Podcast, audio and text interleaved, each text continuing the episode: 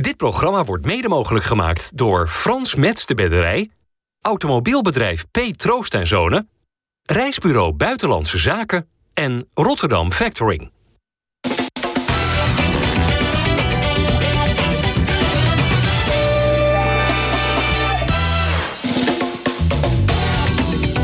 Goedendag allemaal, hartelijk welkom bij FC Rijnmond. We zijn er op deze vrijdag met Soleiman Usturk, buitenlands voetbalredacteur van Voetbal International. Dennis Kalenburg is er en eh, als wel vaker op zijn stoel Robert Maaskant. Soleiman, denk je dat Feyenoord over anderhalve week beter is dan Lazio Roma? Ja, dat denk ik wel. Oké. Gaat uh, Justin Bijlo dan weer keeper? Ja, die heeft afgelopen week weer uh, minuten gemaakt in de oefenwedstrijd tegen Excelsior. 0-0 was dat. En uh, die gaat dan wel weer keeper. Maar ook de eerstkomende competitiewedstrijd al? Daar ga ik wel vanuit. Oké. Okay. Gaat Quilinci Hartman uh, vanavond debuteren in het Nederlands elftal? Ik hoop het. Maar wat denk je? Nou, laat ik het anders vragen. Wat zal een overweging zijn van de bondscoach Koeman... om nou, toch blind op te stellen en niet Hartman? Uh, je stelt blind op op het moment dat hij uh, het middenveld in kan gaan... en passes kan versturen naar twee wat sneller bewegelijke mensen voorin. Dat zou de argument kunnen zijn. Maar ik kan me heel goed voorstellen dat Koeman kiest voor een, uh, voor een sterk blok achterin. Waarbij Hartman op snelheid aan de zijkant de boel ook kan belopen. Net zoals we dat aan de rechterkant met Dumfries en ja. Geertruida zouden moeten doen. Maar is Hartman een linker wingback? Kan hij dat ook? Uh, ja, dat kun je misschien best wel. Nou ja, je ziet hem bij Feyenoord ook heel vaak natuurlijk opkomen aan die zijkant. Hè? Dat hij daar vaak mee naar voren komt, assists ook uh, uh, aflevert. Dus uh, ja, dat kan hij zeker. En wat hij wel heeft in zijn spel is dat, natuurlijk dat, dat gif wat je erin wil hebben. Hè? Die agressie, je gaat hem voorbij en dan kom je hem nog drie keer tegen. Dat is echt wel, vind ik, een kracht van, van ja. hem. Maar Koeman is een pragmaticus. Die kiest voor wat hij kent en wat bekend is. En de spelers die ervaring hebben. En ik denk niet dat het slim is om Hartman in deze wedstrijd te laten debuteren. Misschien als invaller. Dat denk ik ook dan ja. zou het kunnen dat je dat laatste 10 minuten geeft een paar minuten. Maar ik denk niet dat hij begint. Maar kan Blind die snelle aanvallers van Frankrijk nee, dan wel aan? Ja, dat is, ik zou ook Hartman opstellen als hij wat meer ervaring had gehad in Oranje. Nou had Hartman gespeeld, maar alleen nu is het toch zo'n eerste wedstrijd in Oranje tegen Frankrijk. Je staat niet tegenover de minste. Oesman, Belen of Kingsley Coman, die zijn snel, ja. bewegelijk en handig. En het hele elftal is goed. Ja, dat kan ook pijnlijk worden. Dus... En hij zit natuurlijk blind dan in dit geval ook in een goede flow hè, met, uh, met zijn club in, uh, in Spanje, waar hij uh, veel speelt. Is ook fit. Is niet iedereen bij het Nederlands elftal speelt alles. Dus, en daar wordt hij trouwens ook als hij eruit gelopen wordt, wordt hij er ook goed uitgelopen blind. Het is, hij wordt er echt gebruikt op, op zijn kracht. En dat is, is het paas van Twee weken geleden werd hij bijna afgeschreven in Spanje overigens. Hè? Dus dat is dan de andere kant van het verhaal weer. Ze, ze doen het heel goed als club zijn. Maar individueel, ja, ik, ik zou persoonlijk ook voor Hartman kiezen. Gewoon ook in de vorm waarin hij is en de snelheid en de agressiviteit die hij heeft. Maar ik denk ook dat de pragmaticus uh, het gaat winnen vanavond van Koeman. Ja, hoe kijk je naar de ontwikkeling van Hartman? Uh, positief. Uh, ja, dat zie je wel de invloed van een trainer bij, bij Feyenoord. Die, die, ah ja, hij begon als derde linksback vanuit hij de jeugd. Naar Excelsior gaan. Hij zou naar Excelsior gaan en, en ja, heeft heel snel de lessen van Slot opgepikt. Is in de basis gekomen. En heeft zich uh, oranje ingespeeld. En uh, ja, ik moet zeggen dat ik ook uh, in de Champions League verbaasd ben over hoe makkelijk hij aanpikt op dat niveau. En ja, voor hem is het geweldig deze zes maanden in de Champions League om die stappen te zetten. Hij was tegen Atletico echt een van de betere. Ja, dus dat, en dat valt wel, wel op natuurlijk. Ja, hij is sowieso wekelijks wel een van, de, een van de spelers die echt altijd wel een ruime voldoende scoort. Hij zakt nooit door de ondergrens heen. Dat vind ik echt wel knap van hem. Dat hij altijd gewoon een bepaald niveau haalt. En ik ben echt wel benieuwd hoe ver die lat nog bij hem omhoog kan. Mm -hmm. Nou, laten we het daar eens over hebben. Jij krijgt lasogen van al het voetbal dat je de hele ja. week... Uh, en vooral in de week aan de kijkt, uh, buitenlands voetbal. Bij, bij, bij wat voor clubs, in, in wat voor landen... hebben ze nu denk je wel een oogje op die Hartman? Nou, ik denk bij alle Europese topclubs dat hij op de lijst staat. Ja? Dat hij bekeken wordt. Ja, omdat hij een aantal interessante kwaliteiten heeft. Dat is zijn snelheid, dat is zijn bewegelijkheid. En ook dat hij onder slot ook uh, op een intelligente manier leert lopen. Je ziet hem ook op plekken opduiken op het middenveld... en pases geven vanuit het middenveld. Dat had hij nooit uit zichzelf geleerd, maar aan de hand van slot bij Feyenoord leert hij dat aspect ook. Dus daar wordt een, een, een veelzijdige, moderne linksback. Um, ja, ik denk dat hij aan het eind van het jaar, als hij die ontwikkeling zo doorzet... en in de Champions League ook nog een paar van wedstrijden speelt... dat er dan een bedrag uh, uitkomt van? waar Feyenoord van gaat schrikken. Ja, richting, de 50 miljoen, denk ik. Voor een uh, linksback? Voor een linksback die zich zo snel ontwikkelt, ja. ja nou, dat zou uh, spectaculair zijn. Nou, je ziet ook aan Mickey van de Ven hè, van Wolfsburg naar Tottenham. Niemand ja. heeft meer over die stap. Die heeft daar, is daar zo geruisloos binnengestapt in het basiselftal. Dat kan Hartman ook. Bij een goede trainer past hij uh, zeker. Ja, van de zomer waren er natuurlijk ook clubs uit Engeland ook. Hè. was Burnley en West Ham werden toen genoemd. Maar, maar ik denk dat dat nu echt wel... dat de echt grotere clubs inmiddels wel aan dat rijtje zijn toegevoegd. Het is ook verstandig om te wachten op de juiste club. Ja. En als je bij Feyenoord zit en je speelt Champions League voetbal... dan kun je ook wachten, want ik zou niet naar Burnley gaan. Alhoewel, nee. die spelen wel aardig voetbal. Maar Redelijk, ja. ja. Uh, wat ook overigens opvalt bij Hartman... heeft overigens niks met voetballen te maken, beste trainer aan tafel. Maar hoe hij zich presenteert. Hoe hij uit zijn woorden komt. Hoe hij zich uh, ja, aan uh, het legioen presenteert. Ja, dat is meegenomen.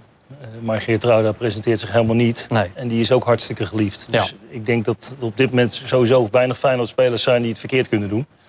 Eh, met de prestaties die ze hebben. De vraag nee, maar hij is al zo jong en hij kan al zo goed ja, ik vind uitleggen wat er gebeurd is. Wel mooi om te zien bij, uh, bij Quincy Hartman. De, de manier waarop hij uh, op een frisse manier uh, ja. journalisten te woord staat. Heel open is en ook dingen, zijn gevoel durft te uiten. En soms ook dingen zegt waarvan je als volwassen man denkt... nou ja, een beetje vreemd. Maar ja, dat hij alleen, eh, alleen positief nieuws eh, voor bijvoorbeeld. Ja, eh, was een paar weken geleden. Daar kun je iets van vinden. Maar ik vind het op zich wel mooi dat die jongen zo open is. Het spelen met een rouwband vindt hij bijvoorbeeld ook niet nou dat prettig. verhaal inderdaad. hij heeft ook vorige keer bij de loting van de Champions League... bijvoorbeeld kwam hij bij ons, bij de journalisten zitten ook. Het is echt een half uur, drie kwartier kon er gewoon bij ons zitten. Een beetje, eh, nou, wij, wij, konden nog wat eten en hij, heeft dan, uh, hij zit dan aan, uh, meer in een dieet. Aan een wortel. Maar, ja, aan een wortel. Dus, uh, maar hij komt de hele tijd bij ons zitten. We zitten kletsen. Terwijl anderen lopen dan langs en die, die zeggen wel ja. gedag. Maar, ja, Andere Feyenoords in oranje, Robert. Uh, Geertruida natuurlijk gewoon centraal achterin. Dat, dat, dat kun je op voorhand intekenen. zal er een plaats zijn voor Wiever op het middenveld? Nu, zeker nu de Jong er niet is? dat zou kunnen.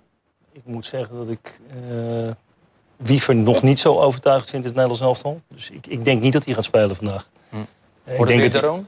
Ik denk dat hij met de Roon gaat spelen. Nou, de Roon 100%, omdat uh, en natuurlijk um, de, de, de aanvallende middenveld van Frankrijk gestopt moet worden. Uh, Griezmann. Griezmann. Dat, dat, is de opdracht voor de Roon, denk ik, deze wedstrijd. Wordt het een opdracht zoals Slot deed met rookie in die vorige Champions League-wedstrijd? Gewoon alleen maar Griezmann in de gaten houden en verder Ja, niet niks. blind, maar ik denk wel ongeveer op die manier. Ja. En dan moet er iemand naast komen te staan. En als je een beetje in het hoofd van Koeman kruipt... en iedereen noemt de naam van Joey Veerman... en ook natuurlijk eh, van Reinders wordt genoemd bij Milan... omdat hij een ontwikkeling doormaakt. Maar dat zijn wel jongens die net iets aanvallender denken... dan bijvoorbeeld Wiever. Ja. En als je Wiever opstelt, maar dan ga je wel heel verdedigend denken. Maar ja, dat is in deze wedstrijd misschien ook wel nodig.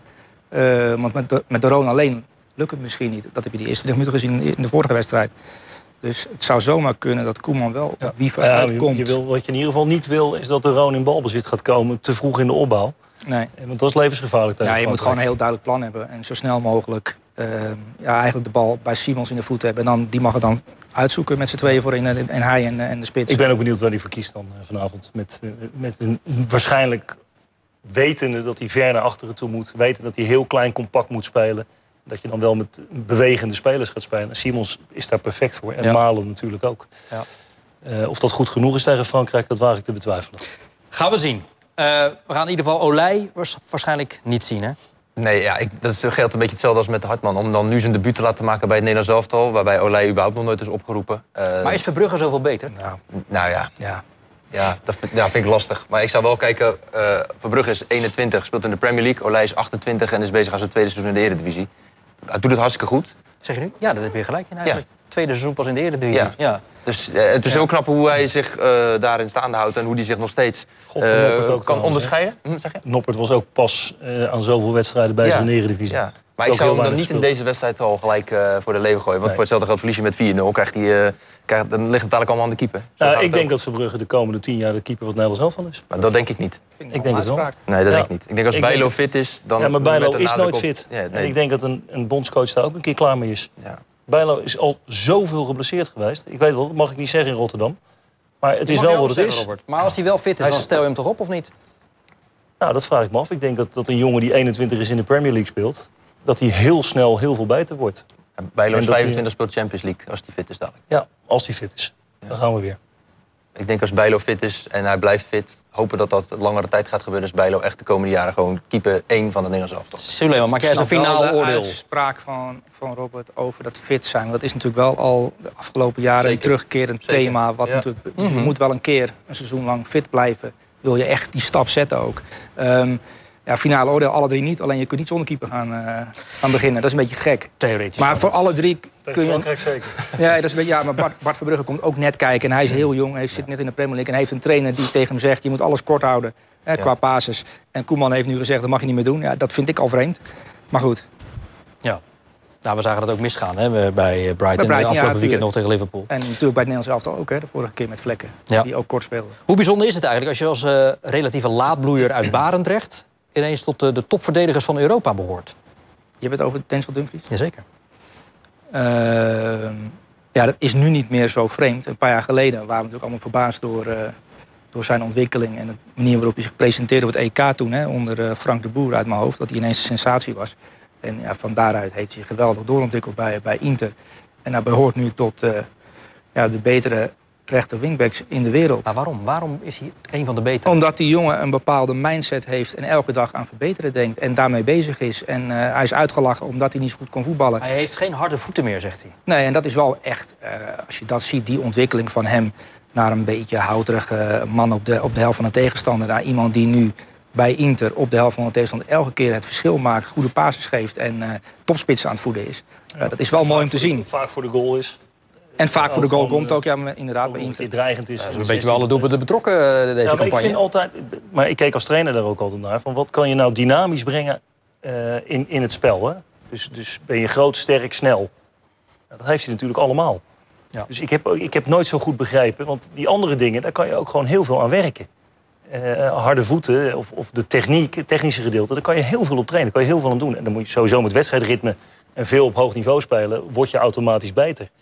Dus ik heb nooit zo de negativiteit over hem begrepen al een tijdje geleden. Dat is al heel lang weg overigens. Hè, want ja. ik vind Dumfries staat gewoon als eerste op het formulier tegenwoordig. Weet je wat ik ook heb begrepen heb, Weet je wat ik ook heb begrepen? Hij groeit op bij Barendrecht in de jeugd. Dan gaat hij naar Smitshoek, Spartaan, Smitshoek weer. En dan is het Sparta uiteindelijk dat het hem oppikt.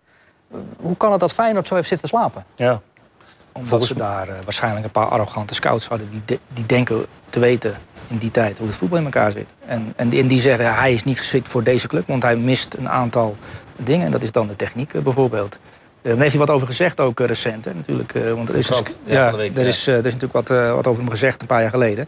Dat ze nog wel zullen zien of hij überhaupt de top haalt. Maar ja.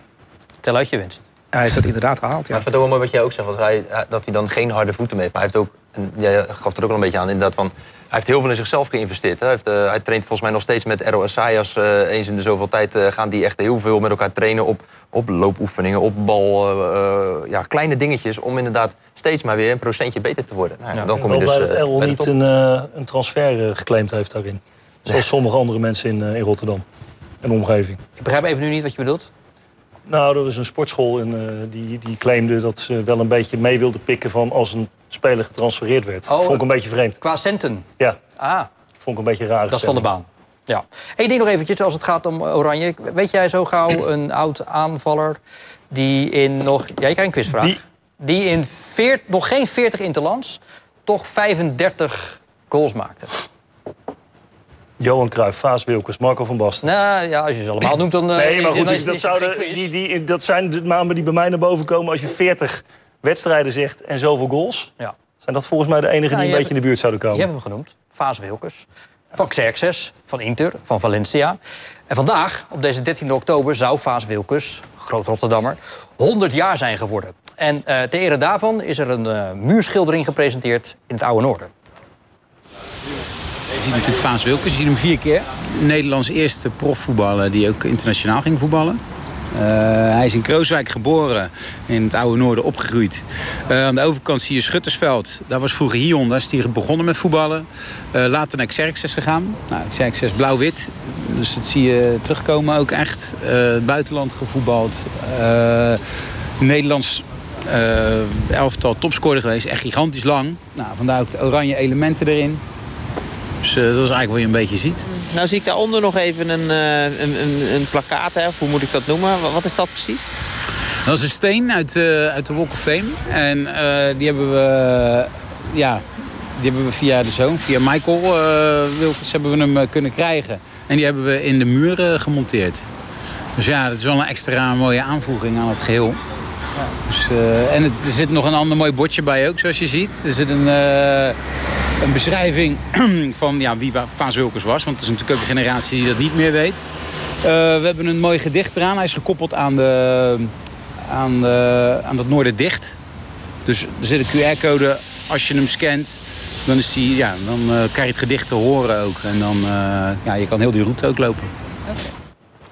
Ja, 17 jaar geleden wel overleden, Fase Wilkes. Vandaag zou hij dus 100 jaar zijn geworden. Die transfer waar het over gaat was in 1949. Toen ging hij naar Inter. En dan ging hij 60.000 gulden per jaar verdienen. Wat voor toen een vermogen wel zo werkelijk. Maar de KVB reageerde er wel op door te zeggen... ja, dan ben je echt prof, dan mag je niet meer in het Nederlands elftal spelen. Daardoor komt hij maar tot nou ja, nog geen 40 interlands. Dus uh, dat is het verhaal van uh, Vaas Wilkes. Ik heb het idee dat er qua techniek iets, uh, niet helemaal goed gaat. Dat mensen ons nu alleen maar met z'n vieren tegelijk zien zitten. Maar ja, dan praten wij gewoon door, toch? Hebben wij geen last van. niks mis mee. Oké, okay, nu zit hij ons wel eventjes uh, close in beeld. Soleiman, we hadden het net al eventjes over uh, dat treffen met Atletico van vorige week... van Feyenoord in de Champions League. Hoe Ja. kan het dat je tegen zo'n ploeg, eigenlijk altijd tegen die ploeg... beter kunt zijn, maar eigenlijk nooit wint?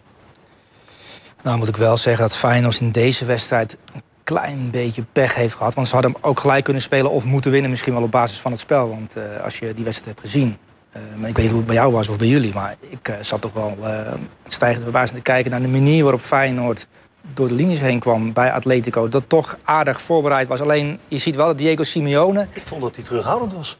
Wie? Simeone. Is ja, nou, hij, na 10 minuten zet hij iets om. En dat vond ik wel leuk om te zien. Waardoor Feyenoord er minder makkelijk doorheen kwam. Je ziet wel dat hij echt... Dat is, dat is echt een pragmaticus. Die, die zet het dan om. En ja, met, met een beetje geluk winnen ze die wedstrijd wel. Want ik vond Feyenoord echt goed voor de dag komen in die Ik vond wedstrijd. Feyenoord ook fantastisch. Het aantal doelpogingen van Feyenoord op bezoek bij Atletico... dat was ook een record, hè? Ja, het was, eh, het is, en sinds dat wordt bijgehouden, 2003 zeg ik even uit mijn hoofd... was alleen Real Madrid in een Champions League wedstrijd tot meer doelpogingen gekomen. Volgens mij 7 om 8. Ja. Ja. Ja. En dan missen ze Savic nog, dan missen ze die Jiménez nog, die verdediger. Dus ze misten er ook nog een paar. Ja, En dan toch ja, ja. je, je, je- ziet wel dat... eh, winnen ze hem. Ja, ze winnen hem wel. En dat, dat, dat, dat hoort een beetje bij Atletico, ook bij de speelstijl. Maar ja, de manier waarop Griezmann die bal binnen eh, Ja. schiet, die omhaal, dat is knap, weet je wel. Dat, Ik, ja. ik dacht voor de wedstrijd had ik. eh, je maakt altijd een beetje inschatting hoe gaat zo'n wedstrijd lopen. hè. En, en voor de wedstrijd, ik heb het ook nog geappt naar mensen. eh, de individuele kwaliteit van de voorhoedespelers kan in zo'n wedstrijd altijd het verschil maken. Dat Ja. gebeurde uiteindelijk natuurlijk ook. Eh, maar ik had ook niet verwacht dat Feyenoord zo dominant had, kon zijn. En daarom vond ik het een beetje raar dat Simeone zo afwachtend begon. Die, zeker die eerste tien minuten eh, gaven ze veel weg. Helemaal terug op eigen helft. En ze hadden gewoon niks te vertellen op dat Maar jij moment. zegt dat Feyenoord was dominant. Jij zegt die voerder kan het verschil maken. Dat was ook, Feyenoord kreeg wel een hele grote kans met Minte. Ja, Ja. die schieten dan, wel- ze hebben ook, ook een geweldige keeper. Maar dat is wel ook het verschil. Hè. Ze hebben ja. dan, ja, schieten ze hem er net wel in. Die keeper heeft ook nog Het wel is dingetjes ook- tegen. Het gebeurt ook niet heel vaak dat Simeone te maken krijgt met een tegenstander ehm, die dat durft. Ja. Ehm, en ja, dan is het ook even wennen voor Atletico. Oké, oh, zij durven echt op deze manier ons aan te pakken. Ehm, dan moet er even wat omgezet worden. En, en dan kijken ze naar de trainer. En na tien minuten ging dat beter. Ehm, maar ja, dat is wel ook eh, knap van Feyenoord. Dat je dat ook durft in zo'n wedstrijd. Waar ik me op verheug is dat, en dat, dat- daar zijn we nog lang niet aan toe natuurlijk, maar dat dit soort wedstrijden gespeeld gaan worden met alles of niks. Dat er gewoon een winnaar moet komen. Een knock-out fase. Achtste finale, je, dan- dat het dan echt gaat gebeuren. En dat, ja, Feyenoord kan daar nu mooi in groeien. Dus, Ja, want nu is nog de poolfase over anderhalve Ja, maar week. er komen wel twee finales aan hoor. De, eh, Ja, zeker. Lazio Ja. Thuis. ja. en wilde ik net mee beginnen, Ja. want over anderhalve week is Ja. dan die eerste van de twee luik tegen Lazio Roma. Nogmaals, jij, jij weet alles over het buitenlands voetbal. Hoe sterk is Lazio nu? Nou, ik heb speciaal voor deze uitzending nog even de, west- de laatste wedstrijd teruggekeken. Lazio, Atalanta. Ehm, en je zag eigenlijk de dingen die je altijd ziet bij Lazio. Ja, zij spelen met heel veel vaste patronen in balbezit. Soms beginnen ze in de eigen 16 met drie man, dus twee, twee veldspelers en een keeper en begint de opbouw. En er zitten heel veel patronen in. Dus ik denk dat Arne Slot ehm, zijn huiswerk al gedaan heeft, eerlijk gezegd. In Dat, deze dat kan alleen al met die wedstrijd dus. Ja, nee, je, je gaat gewoon kijken wat zij doen. Ze hebben zoveel vaste patronen, daar kun je je op instellen. Ja, maar ze staan wel dertiende in de Serie A. Ja, Wat ze zijn slecht dat? begonnen in, aan de competitie. Ze hebben wel met 3-2 van Atalanta gewonnen. Maar ze maakten bijvoorbeeld de 2-0. Is echt een patroondoelpunt. Ga maar terugkijken, mensen die het niet gezien hebben. Begin van achteruit. Een middenvelder stapt over. De bal, linksbuiten neemt de bal aan. Die dribbelt naar binnen. Die geeft de bal naar de rechtsbuiten. En die geeft voor het doelpunt. Het is echt gewoon een trainingsdoelpunt. Ehm, en dat zie je heel erg bij Lazio. Dat ze in alles eh, ja, patronen gebruiken. In verdedigen, maar ook in aanvallen. En eh Hansko op Immobile en het grootste gevaar is geweken? Ehm, nou, dat denk ik niet eerlijk gezegd. Nee? Ik vind Lazio echt een goed voetballend elftal. Daar moet je eh, in alle linies wel goed op voorbereid zijn op wat zij doen. Ehm, maar Feyenoord heeft een trainer die dat goed bekijkt en die dat ook vorig jaar heeft bewezen. Dus ik denk dat Feyenoord goed voorbereid zal zijn. En dan is het, ligt het aan Sarri en of hij wel of niet star is. Want die doet altijd hetzelfde. Ze spelen bijvoorbeeld altijd met een verdedigende middenvelder... die altijd als eerste bal krijgt aangespeeld. Nou, Atalanta zette daar een mannetje op. Waardoor ze in de problemen kwamen. Ehm, dat zal Feyenoord ook gaan doen. Is ik denk dat bijvoorbeeld vanaf, vanaf die positie gaat spelen. Is het wel zo in dit soort wedstrijden, als je dan bijvoorbeeld kijkt... ik vind uh, Trouwens nu dan even geblesseerd. Eh, die is voor de Eredivisie is die uitstekend. Ja. Alleen je merkt wel in dit soort grotere wedstrijden... dat hij meer moeite heeft met het aanhaken. Ja, maar dat heeft natuurlijk ook te maken met het feit dat er bij Lazio, ook al zijn ze slecht begonnen, eh, internationals in het veld staan. Mhm. eh, Zo Immobile bijvoorbeeld. Eh, maar ook de nummer 10, Luis Alberto. Dat zijn allemaal voetballers die week in, week uit het Feyenoord niveau gewend zijn. Dus zij spelen niet anders dan dit soort wedstrijden. Want de Serie A is natuurlijk al wat anders dan de Eredivisie. Maar moet je dan wel met, zou je dan wel hem laten staan... of zou je bijvoorbeeld dan juist Geertruida op die plek zetten? Dat hangt er vanaf eh, welke andere mogelijkheden je hebt. En, eh, En je kan nieuwkoop rechtsback Eh, zetten. maar voor Geertruida geldt natuurlijk ook hetzelfde. Dat die ook niet op dit niveau heel vaak getest is. En dat is misschien... Ja, vanavond misschien wel. Ja. Vanavond wel. Maar we hebben hem natuurlijk ook een keer eerder gezien op dit niveau eh, tegen Frankrijk. Ja. En toen viel het een klein beetje tegen. Maar ja, dat viel het over de hele linie tegen. Ja. Ja. Ik zeg ook meer omdat de Trouwen nu natuurlijk ook geblesseerd is. Daarom Ja. een beetje meer vooruitkijkend Ja. op. Ik zit het, je zegt het inderdaad, hè, met Sarri, met die patronen. Eh Mourinho is daar natuurlijk een meester in om dat te analyseren Zeer, en, dat, ja. en dat stil te zetten. Slot is natuurlijk toch wel iemand die ook vaak aanvallend denkt, naar zijn mogelijkheden kijkt. Eh, maar die zou nu een beetje Mourinho mee moeten krijgen om, t- om dat spel gewoon stil te leggen daarin. Hoe doe je dat? En Feyenoord, nou ja, op het moment dat je, dat je het op die manier analyseert... Hè, als- de eerste inspeelpaas altijd centraal is... en eh, de Italiaanse elftal deed het ook op een gegeven moment... Hè, die probeerde altijd gewoon dwars door het midden heen te voetballen. Eh, ja, dan moet je dat in ieder geval dichtzetten.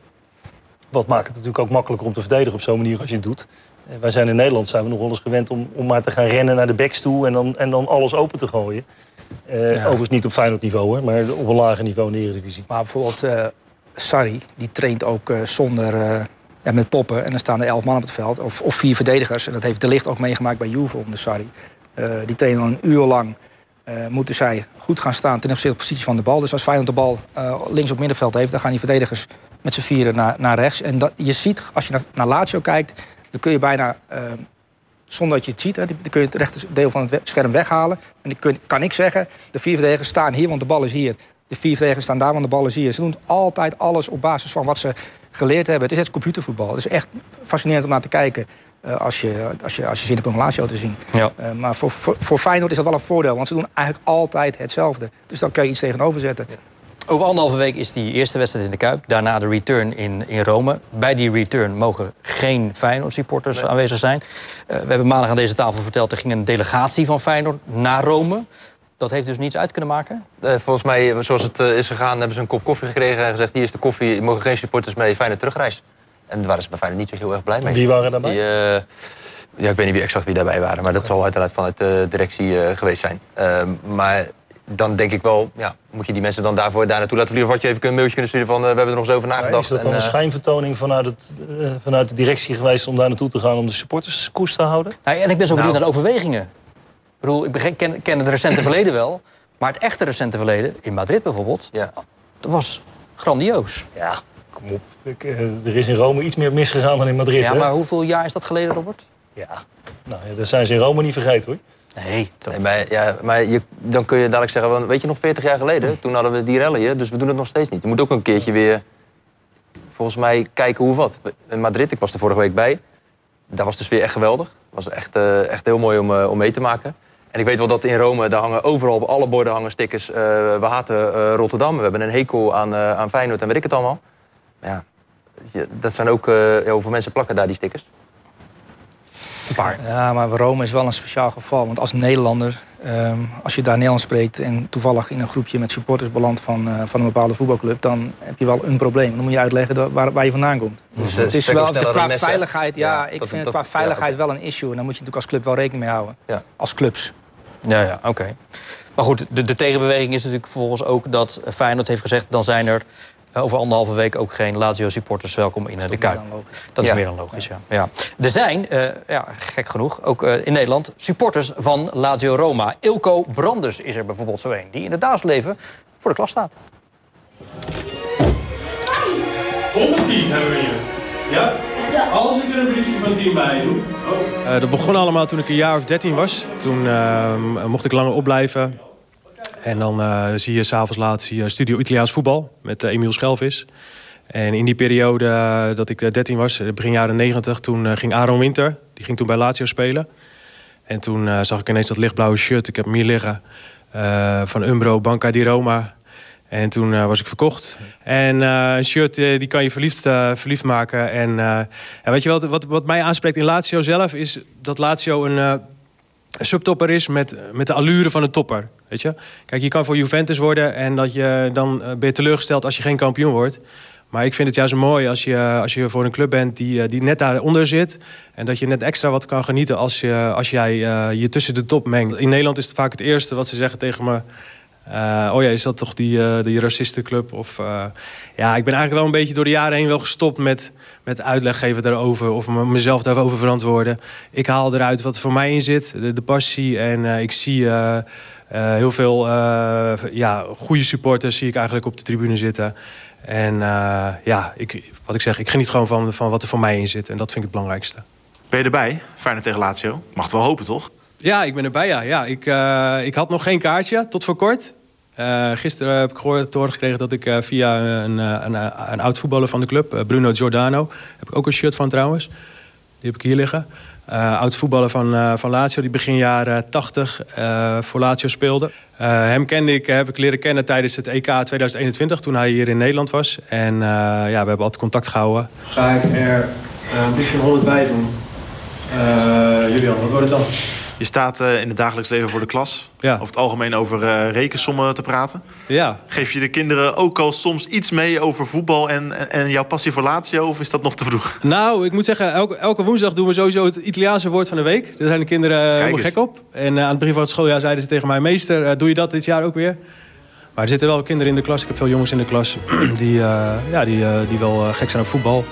En ja, als zij, als zij een leuke buitenlandse club eh, zoeken... dan eh, hou ik me aanbevolen.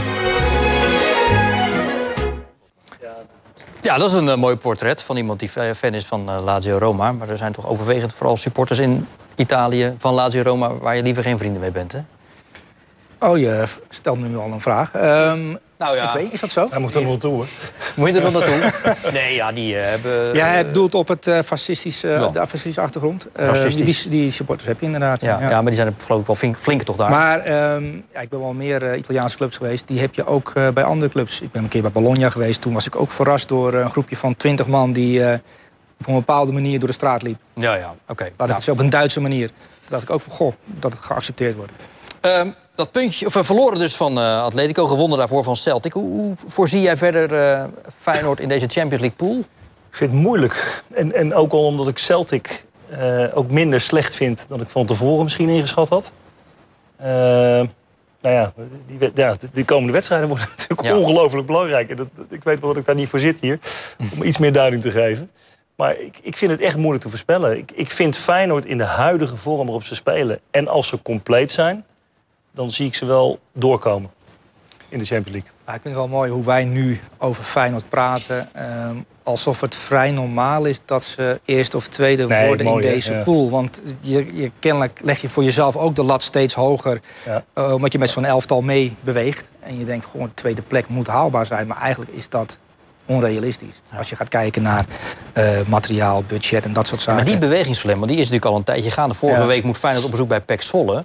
Nou, ik zit hier nou al een jaar of vijf van deze tafel. En dan was ik gewend om te vragen... Oh, kan dat weer een potentiële bananenschil zijn? Zou dat ook weer onderschatting kunnen zijn? Ja. En dat is niet meer zo. De huidige Zwolle niet hoor. Nou ja, maar, vind het ook wel het mooi dat je huidige- het zegt. vooral het huidige Feyenoord niet. De, de lat bij Ajax is natuurlijk ongeveer op de grond komen te liggen. Die zijn heel tevreden als ze, als ze een keer een puntje halen ergens. En bij Feyenoord ben ik het helemaal met je eens.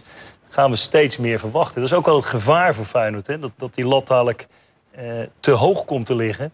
Terwijl dat niet meer realistisch is. Ik, Nou, ik de heel teleurstelling wordt ook groter Nou ja. als het straks misgaat tegen Lazio. Terwijl het vrij normaal is dat je bijvoorbeeld in deze pool derde wordt. En alles wat, wat hoger is, is, is, echt knap. heel knap. Ja, Ehm, zo moet je ernaar kijken. En het is gewoon, ja, deze, deze twee wedstrijden uit en thuis, eerst thuis...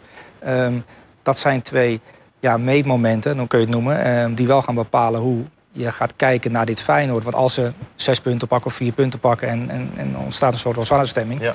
ehm, richting Celtic en Atletico... ja, dan, dan, dan kan het leuk gaan Het voordeel worden. is ook dat je natuurlijk dat wat je daar bij Madrid hebt laten zien... dat dat natuurlijk wel als een soort... eh, ja, dat je dat wel mee kunt nemen. Dat je denkt van, oh, we kunnen het daar. Dus waarom dan niet in eigen huis ook tegen dit soort ploegen? Ja. Dat geeft wel een enorme boost natuurlijk. Ja, dat het lijkt wel een beetje op het seizoen wat Ajax meegemaakt heeft... met al die jongens, met Sierg en Frenkie de Jong... die dan ook ineens in de halve finale stonden.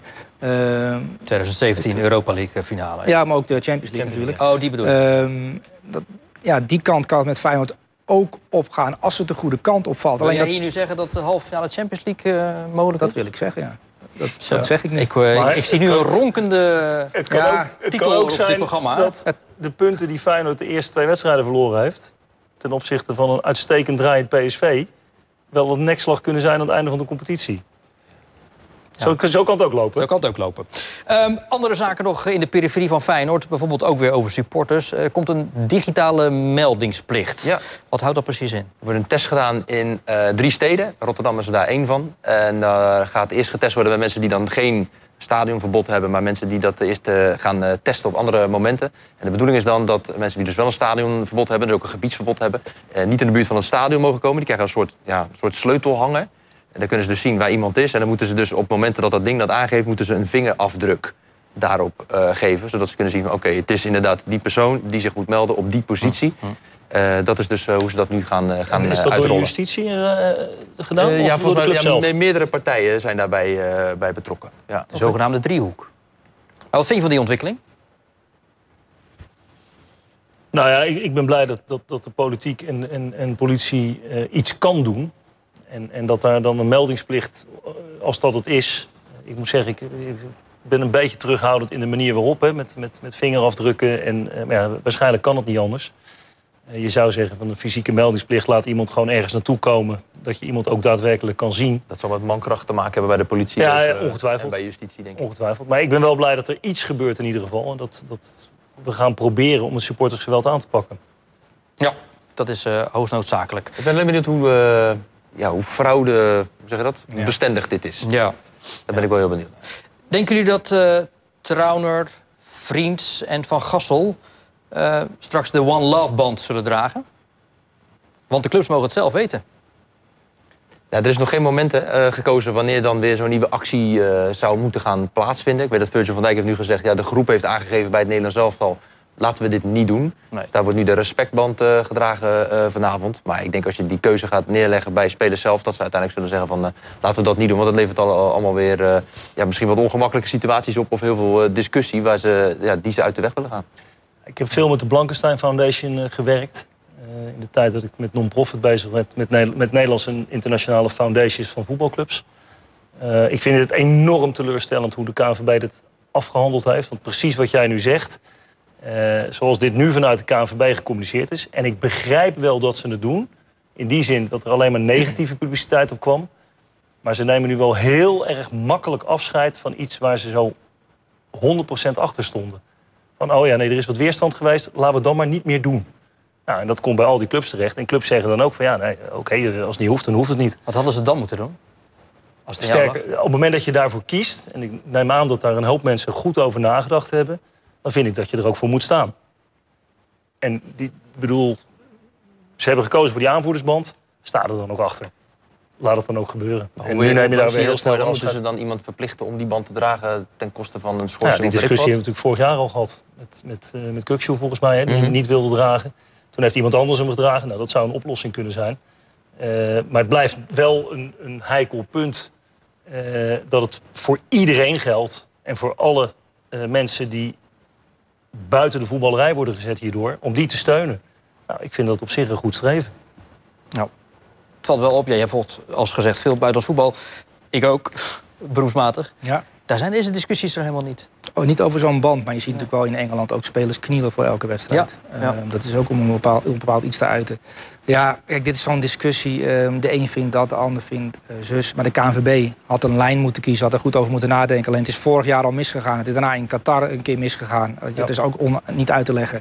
Eh, en het gaat nu weer mis. En ja, ik ben op het punt van, ja, wat willen de mensen nu eigenlijk? En eh, de voetballers moeten gewoon zelf... Die het willen dragen, dat vind ik eigenlijk veel sterker. Ehm, als iemand daarvoor wil staan, ehm, dan moet hij die band omdoen. ehm, en daarvoor staan en eh, niet die band omdoen, omdat ze hem om moeten doen. Want dat Dat gevoel had ik vorig nee, jaar eerlijk gezegd een beetje... dat Ja, het werd door de sport 15 geduwd. van de 18 aanvoerders hem droegen omdat het moest. Ja.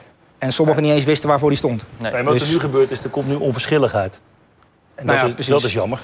Zo is het. Want dat is niet de bedoeling Het geweest. is ook wel bijzonder dat ze dat notabene op Coming Out Day bekendmaken bij de KNVB... dat ze dus dit gaan aanpassen. Dat is ook een beetje pijnlijk. Beetje pijnlijk. Heel kort nog eventjes, ook als het gaat om Feyenoord nieuws... Dennis uh, Givay Zegiel verlengde deze week zijn contract tot 2028. Wat Ja. voor toekomst wordt hem bedeeld? Ja, en ik, als ik het nu zo zie, denk ik wel een grote toekomst. We hebben zo'n contract verlengd tot 2028. Ik heb hem toen in de voorbereiding een aantal keer zien spelen... en was toen echt van hem onder de indruk. Dat vind ik eigenlijk nog, ben ik nog steeds, omdat ik vind dat hij echt een eh, hele goede indruk eh, maakt bij, eh, bij Feyenoord. En hij is al, eh, ja, maakt al zijn minuutjes. Ja, Heeft, eh, als zes of als acht, hè? Kan Ja. hij allebei op het middenveld. Ja, ja, hij is echt... eh, Is dat zeg maar de volgende die het Hartman-traject gaat eh, doorlopen? Dat denk en ik dat wel. op een gegeven moment heel snel stappen gaat zetten? Ja, dat denk zou ik mooi wel. zijn voor het Nederlands voetbal. Zo heb je de cirkel rondgemaakt, eh, Suleiman, Oké. voor deze uitzending. Wel bedankt daarvoor. We hebben serieus over voetballen zitten horen, meer dan een eh, half uur, maar eh, met veel plezier. Normaal is, is dat niet zo?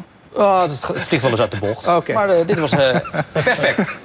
Dankjewel. Suleiman Nusterk van Voetbal International, Dennis Kranenburg en eh, Robert Maaskant. We zijn er het komend, komende maandag natuurlijk weer. Dan hebben we een special. Zit hier Rob Jacobs aan tafel. Want die wordt komende zondag 80 jaar. Rob, als je kijkt, veel plezier. Zondag met je verjaardag. En tot maandag dus. En ook tegen u. Dag.